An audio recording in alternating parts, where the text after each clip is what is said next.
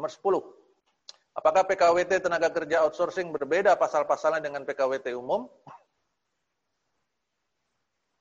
Tidak. PKWT tenaga kerja outsourcing itu sama dengan PKWT umum. Bapak Ibu semua eh, dasar hukum untuk PKWT itu eh, di Kepmenaker 100 tahun 2004 ya. Eh, Kepmenaker 100 tahun 2004 di sana diatur tentang jenis-jenis PKWT. Termasuk ada tiga jenis PKWT plus satu uh, yang disebut sebagai perjanjian kerja harian lepas.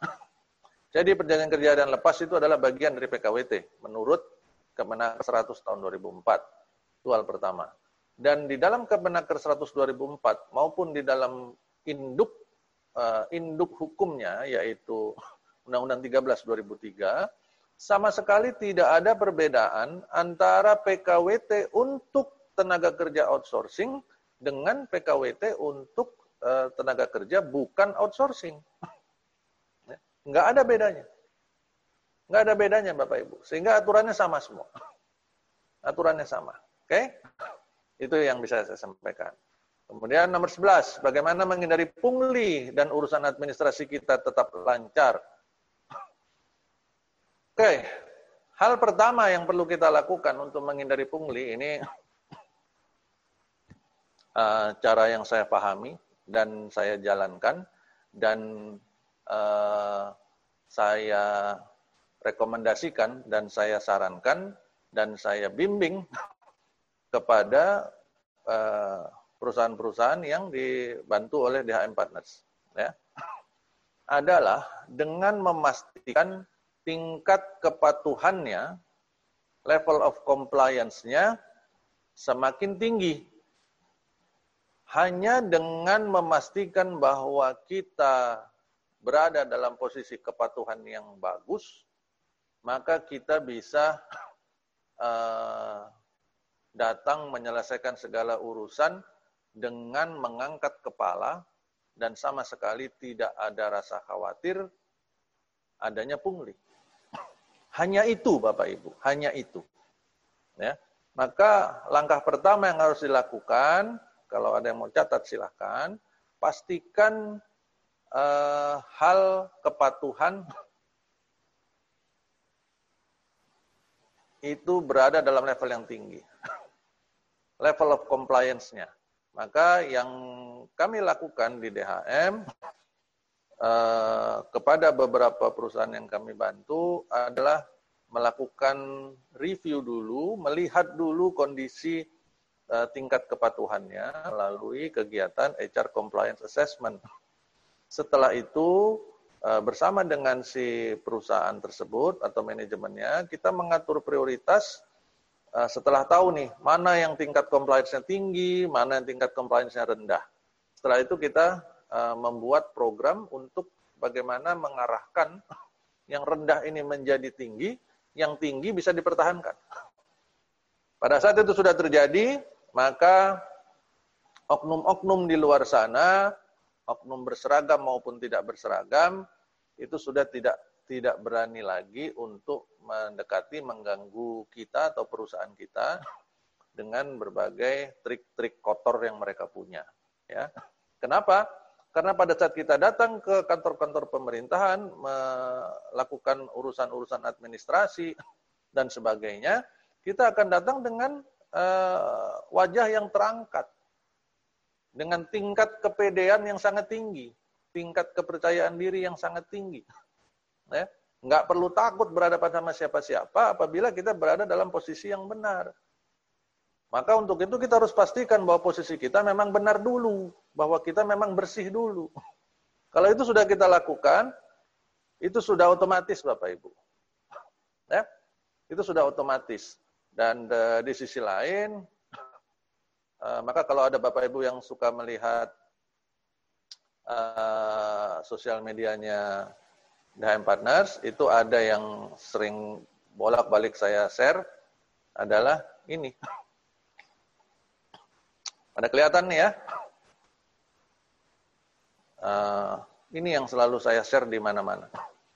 Baik di komunitas HR di komunitas serikat, di komunitas yang lain, ya, uh, bahkan kepada klien-klien uh, di DHM, kami sering kirimkan foto-foto ini ke mereka berulang-ulang,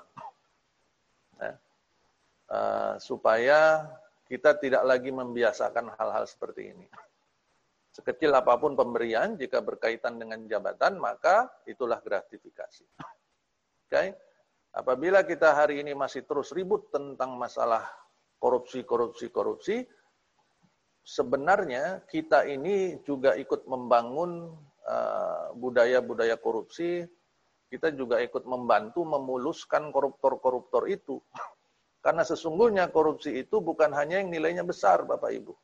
Bukan hanya nilai besar, yang ada di dalam foto ini itu sebenarnya masalah-masalah integritas yang mungkin nilainya hanya seba, uh, apa, sebatang rokok, sebungkus rokok atau korek api satu yang harganya mungkin 2000 3000 perak ya. Tetapi itu membangun mental, membangun uh, apa namanya? cara pandang, membangun mindset bahwa yang namanya uh, meminta kepada orang karena uh, dikaitkan dengan jabatan itu adalah hal yang wajar. Maka pada saat dia nanti uh, memiliki kesempatan untuk meminta lebih besar, dia akan minta lagi lebih besar. Terus sampai akhirnya yang sekarang ada di media-media itu berapa triliun, berapa miliar. Nah, kita sibuk marahin, sibuk me, apa namanya, menyorot hanya kepada yang bermiliar-miliar tadi. Padahal di sekeliling kita sendiri atau bahkan kita sendiri sebenarnya terlibat dalam masalah-masalah itu. Ini lihat nih, ada markup, tips, amplop, angpau, uang bensin, uang pelicin, uang diem, uang rokok, uang damai, TST, uang lelah, ongkos capek, seger-seger, terima kasih oleh-oleh, under table, balas jasa. Kalau dulu under table, mungkin sekarang sama table-tablenya dibawa. Ya. Ini. Jadi ini, ini yang perlu diperbaiki dulu. Baru kita bisa beres. Oke? Okay? Baik. Nah, kita sekarang kembali ke pertanyaan tadi. Itu namanya tadi tentang integritas dan memang saya mohon maaf agak suka terbawa emosi kalau ngomongin tentang integritas ini. Kesel sih. Ya. Baik. Uh, berikutnya nomor 12. Apakah bisa dari status PKWT setelah masa PKWT berakhir langsung ditetapkan menjadi PKWTT? Dan apakah perlu dibuatkan PKWTT-nya? Dua, apakah status sebagai konsultan PKWTT setelah masa kontrak berakhir selama tiga bulan diperpanjang dengan dibuatkan adendum saja? Apa dasar hukumnya? Yang nomor satunya, setelah PKWT berakhir langsung tetapkan menjadi PKWTT. Bisa, tidak dilarang, ya, tidak dilarang bahwa dari PKWT kemudian menjadi PKWTT itu tidak dilarang. Apakah perlu dibuatkan PKWTT-nya? Tentu. Perlu dibuatkan, Bapak Ibu. Ya, mana dia buatkan? Karena perjanjian kerjanya harus ada. Oke. Okay? Kemudian nomor dua, apakah status sebagai konsultan PKWTT setelah masa kontrak berakhir? Nah, ini menarik. Uh, Pertama kata uh, istilah konsultan. Istilah konsultan ini apakah konsultan dalam arti hubungan perdata, bukan hubungan kerja, atau konsultan, istilah konsultan dalam arti jabatan. Jadi perusahaan-perusahaan misalkan nih, eh, perusahaan-perusahaan jasa atau perusahaan atau ini beauty consultant yang ada di mall-mall itu yang jual apa produk-produk kosmetik. Nama jabatannya beauty consultant. Ya, konsultan kecantikan. Ya, apakah nama jabatan seperti itu yang dimaksud dalam pertanyaan ini saya nggak tahu. Tapi berikutnya ada statement PKWTT. PKWTT itu artinya perjanjian kerja waktu tidak tertentu atau permanen.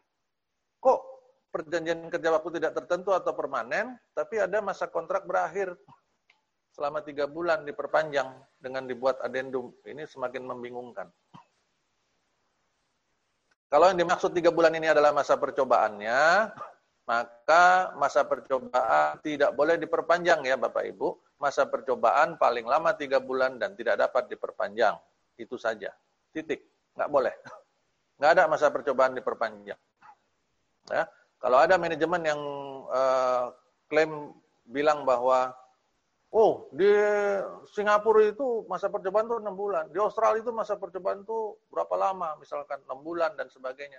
Saya selalu jawab lagi kepada mereka, kalau gitu pindahkan perusahaan ini ke negara sana. Cari aja masa percobaan yang enam tahun sekalian. Gitu. Pindahkan saja ke sana. Karena kita berada di Indonesia, maka hukum yang berlaku yang harus kita ikuti adalah hukum Indonesia. Dan itu sudah jelas dalam Undang-Undang 13 2003, bicara tentang masa percobaan, paling lama tiga bulan dan tidak dapat diperpanjang. Demikian. Oke? Okay? Nomor 13.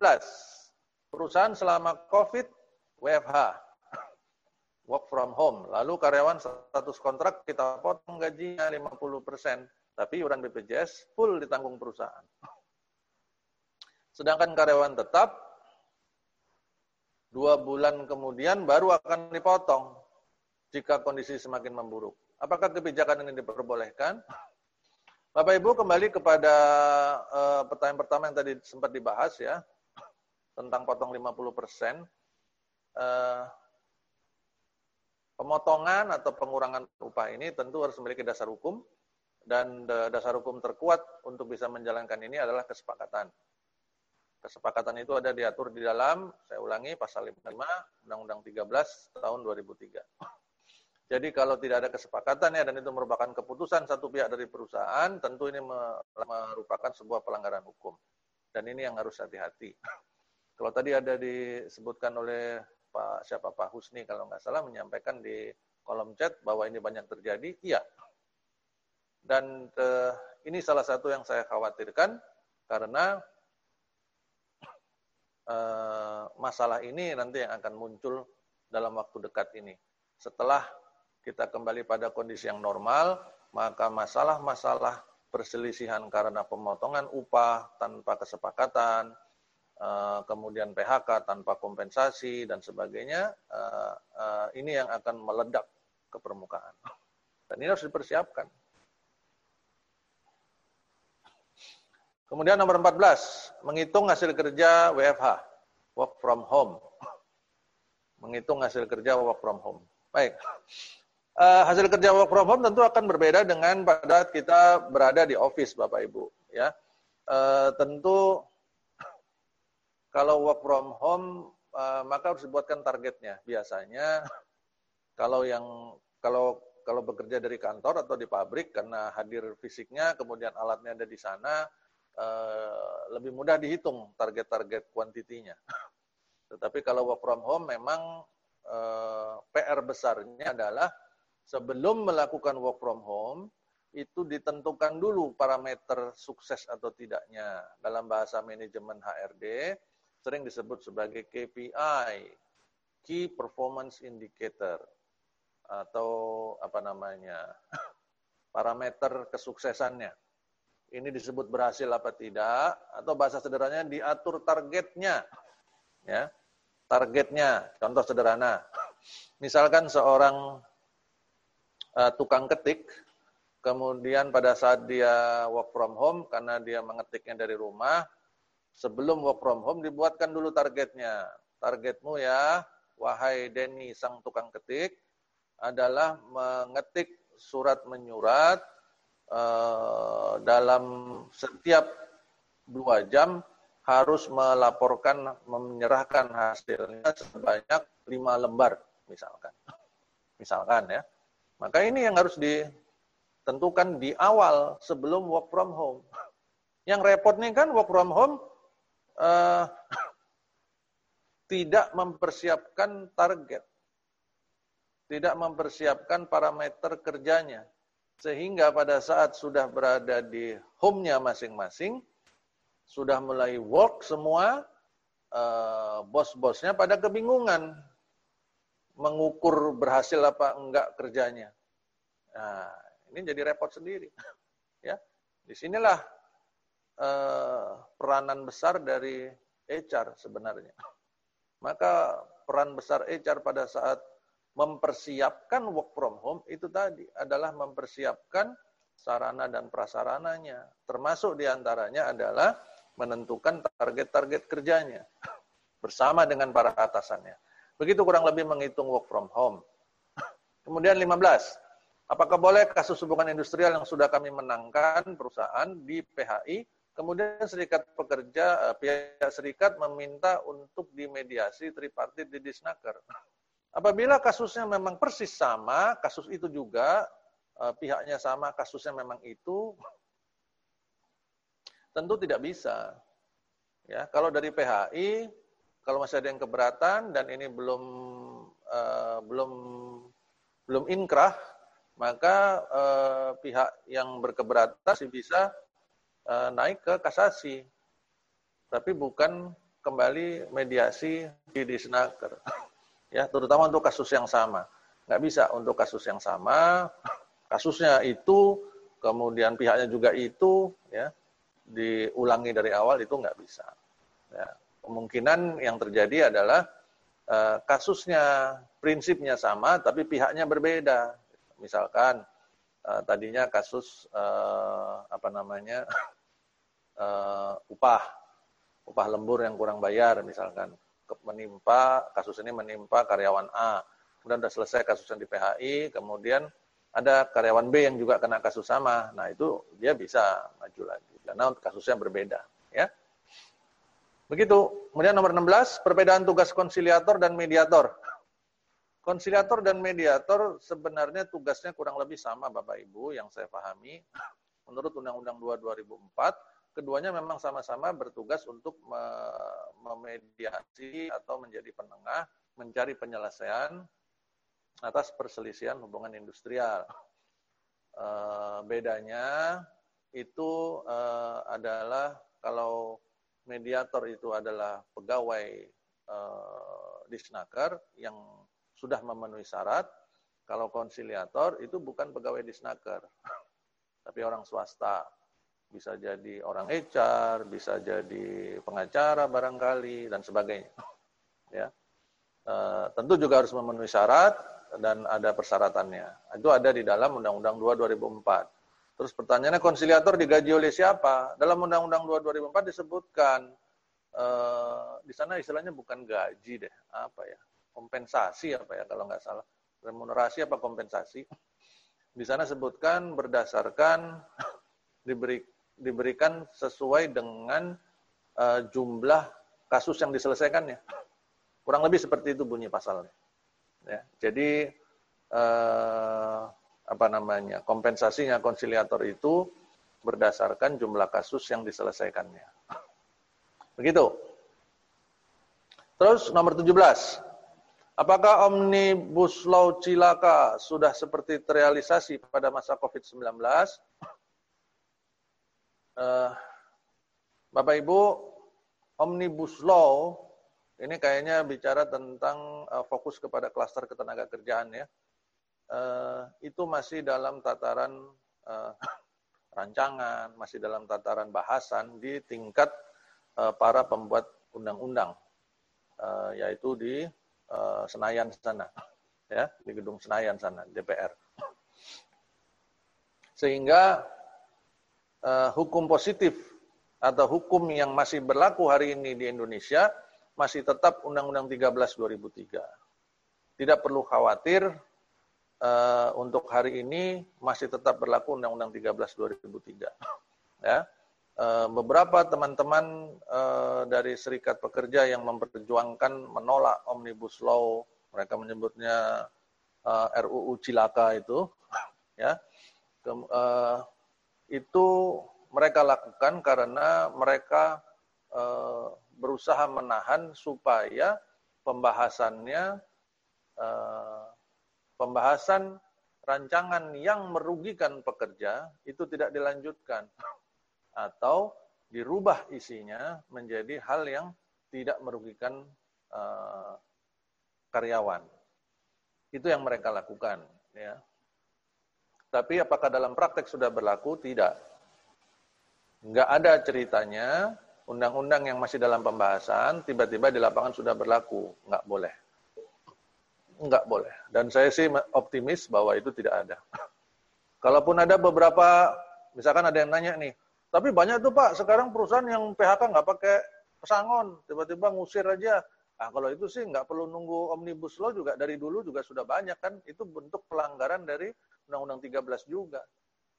Banyak tuh PHK atau banyak tuh yang uh, tiba-tiba motong gaji nggak pakai kesepakatan, nggak pakai surat, langsung aja dipotong seenaknya karena nggak suka sama karyawan. Nah, itu juga nggak perlu nunggu pembahasan omnibus law, Bapak Ibu.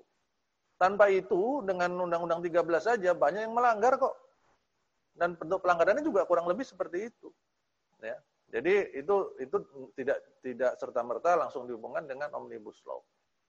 Begitu kurang lebih Bapak Ibu ya. Kemudian nomor 18, bagaimana pelindungan undang-undang terhadap karyawan yang di PHK akibat COVID-19? Bagaimana pelindungan undang-undang terhadap karyawan di PHK akibat COVID-19? Sama persis seperti undang-undang yang berlaku sekarang ya, di Undang-Undang 13 2003 Eh, kalau mau mem-PHK dan sebagainya, ya, uh, kalau mereka sekarang sedang berada dalam masa isolasi mandiri misalkan, maka mereka masuk kategorinya sakit dan sebagainya. Terus kalau mereka mau di PHK juga kompensasinya berapa? Itu sama seperti Undang-Undang 13 hari ini. Dalam bab 12 di Undang-Undang 13 2003, bab 12 itu tentang PHK ya, Bapak Ibu. Jadi kalau Bapak Ibu pengen tahu aturan PHK itu ada di mana, pengen pengen belajar baca-baca, eh, buka Undang-Undang 13 khususnya di bab 12. Oke? Okay? Undang-Undang 13 2003 khususnya di bab 12 itu bab khusus tentang PHK, pemutusan hubungan kerja. Coba baca, itu ada dari pasal 150 sampai 172. Jadi ada 22 pasal, eh, nanti dikurangi pasal 158, 159. Jadi eh, tinggal 20 pasal. Ya. Pelajari itu, baca pelan-pelan, coba difahami, ya. Kemudian mungkin ikut beberapa eh, diskusi-diskusi tentang bab tersebut, maka kita akan melihat bagaimana sebenarnya uh, perundangan melindungi karyawan dalam konteks PHK. Ya. Begitu. Itu tadi nomor 18. Kemudian nomor 19. Bagaimana menyiasati PKWT karyawan jika kita dapat kontrak selama kontrak kerja selama lima tahun dari perusahaan lain. Menyiasati. Tuh, Eh, penggunaan istilahnya memang agak ini ya, mungkin kita bisa cari istilah lain yang agak lebih nilai positifnya lebih tinggi lah. Menyiasati ini kayaknya eh, apa namanya konotasinya itu negatif gitu loh. Bagaimana ngakalin kan gitu. Jadi anyway, eh, bagaimana mengatur PKWT karyawan kalau kita dapat kontrak kerja lima tahun dari perusahaan lain? Maka kalau kita melihat kepada Kemenaker 100 tahun 2004 tentang PKWT, Bapak Ibu, eh, periode paling lama dalam PKWT, periode paling lama dalam PKWT adalah tiga tahun, ya, bukan lima tahun, adalah tiga tahun. Jadi di sana bunyinya, itu kebetulan PKWT yang jenis pertama. Sekali selesai sementara sifatnya, eh, paling lama tiga tahun. Ya. Paling lama tiga tahun. Apabila dalam tiga tahun belum selesai, maka eh, setelah melalui jeda 30 hari, eh, dapat dilakukan pembaharuan paling lama dua tahun. Nah, itu berbeda dengan eh, kontrak selama lima tahun. Beda. Sangat berbeda. Karena di sana tadi udah jelas kalimatnya, sekali selesai sementara sifatnya, paling lama tiga tahun. Jadi kalau misalkan nih contoh sederhananya, eh, kita dapat order memproduksi sebuah atau membangun, eh, yang paling gampang nih ya, membangun sebuah bangunan dalam perhitungannya tiga tahun selesai. Tiga tahun selesai nih bangunan.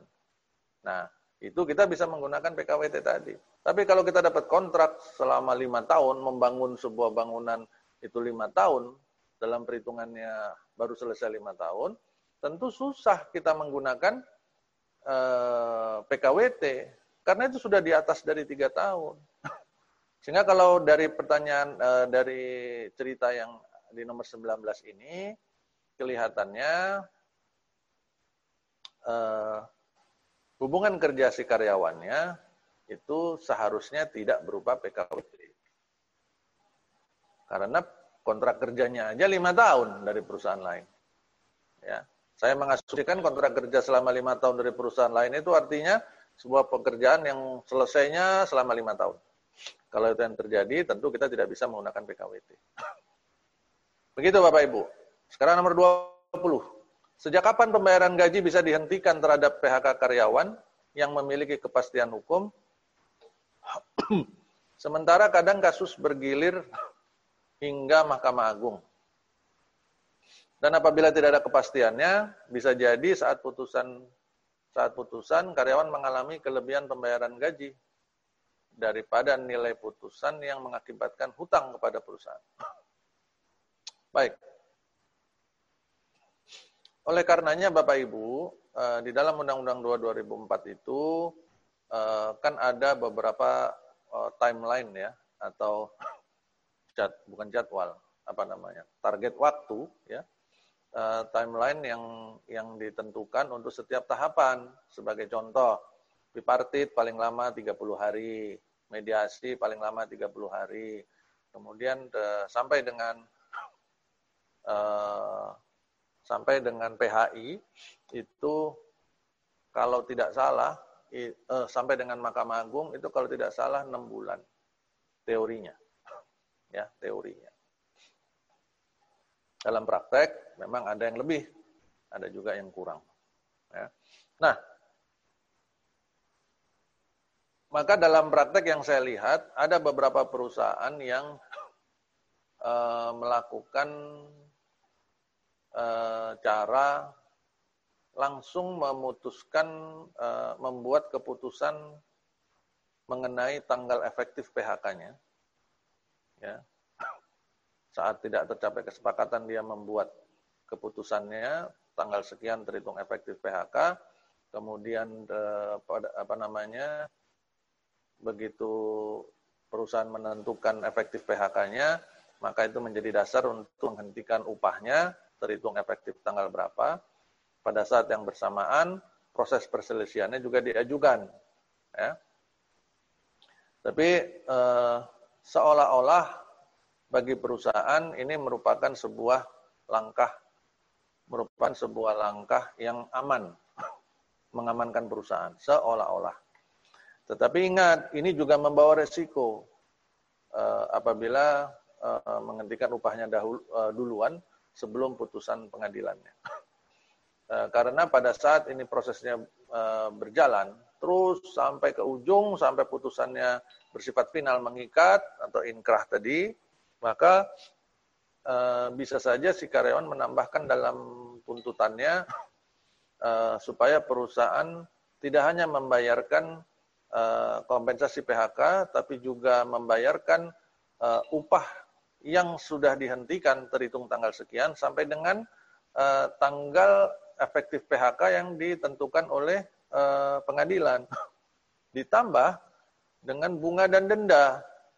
Ditambah bunga dan denda untuk setiap keterlambatan pembayaran upah itu. Ya. Itu bisa saja diminta oleh si karyawan. Maka eh, ini menjadi beresiko juga bagi perusahaan. Ya.